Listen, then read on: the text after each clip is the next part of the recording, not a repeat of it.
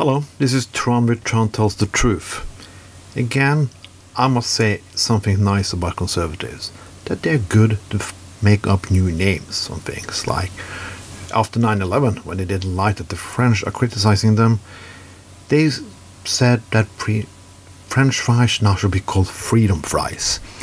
Yeah, that's some logic. Not for anybody. Funny thing is that the French government at that time was not a lefty government. It was a right wing government. The left wing government in Denmark or in Britain, they supported Bush. But again, they make up new names. They make up new names on Social Security. They call it Obamacare, or like the healthcare plan was Obamacare. Like, if you just call it little sissy bullshit, like soft things, maybe it doesn't look so appealing. Now they do something else.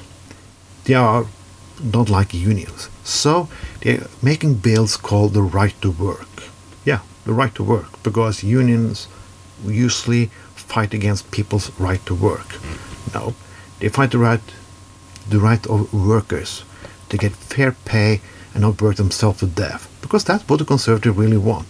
They don't want ask people, don't want people to ask questions. They want to work themselves to death, and they want to earn nothing at all.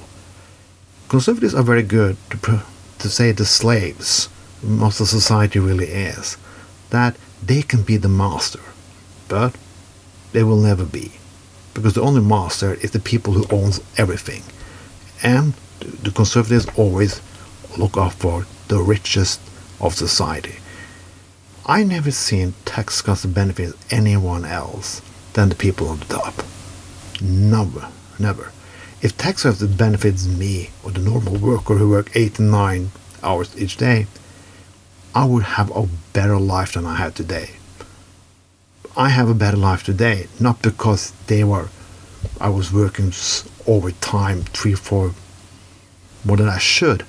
I am wealthy and good today because we have strong unions and I have a strong union in my back. Rich people, CEOs, will never give you fucking anything. The right to work bill is just a name calling on something bullshit. They don't like unions because they don't like people standing up against them. They don't like black people to vote. They like like women and they don't like gay people.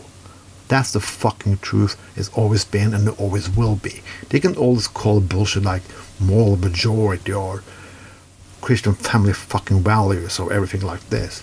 But they don't. They need something also to distract things from reality. Now we have school shootings, kids getting shot. No, they don't talk about that. They don't at all. Environment is in tragic state. No, they don't talk about that. They, what they are talking about are like young people should not see drag queens or the right to work fucking bullshit bill. Conservatives are always full of shit. They're getting more and more full of shit.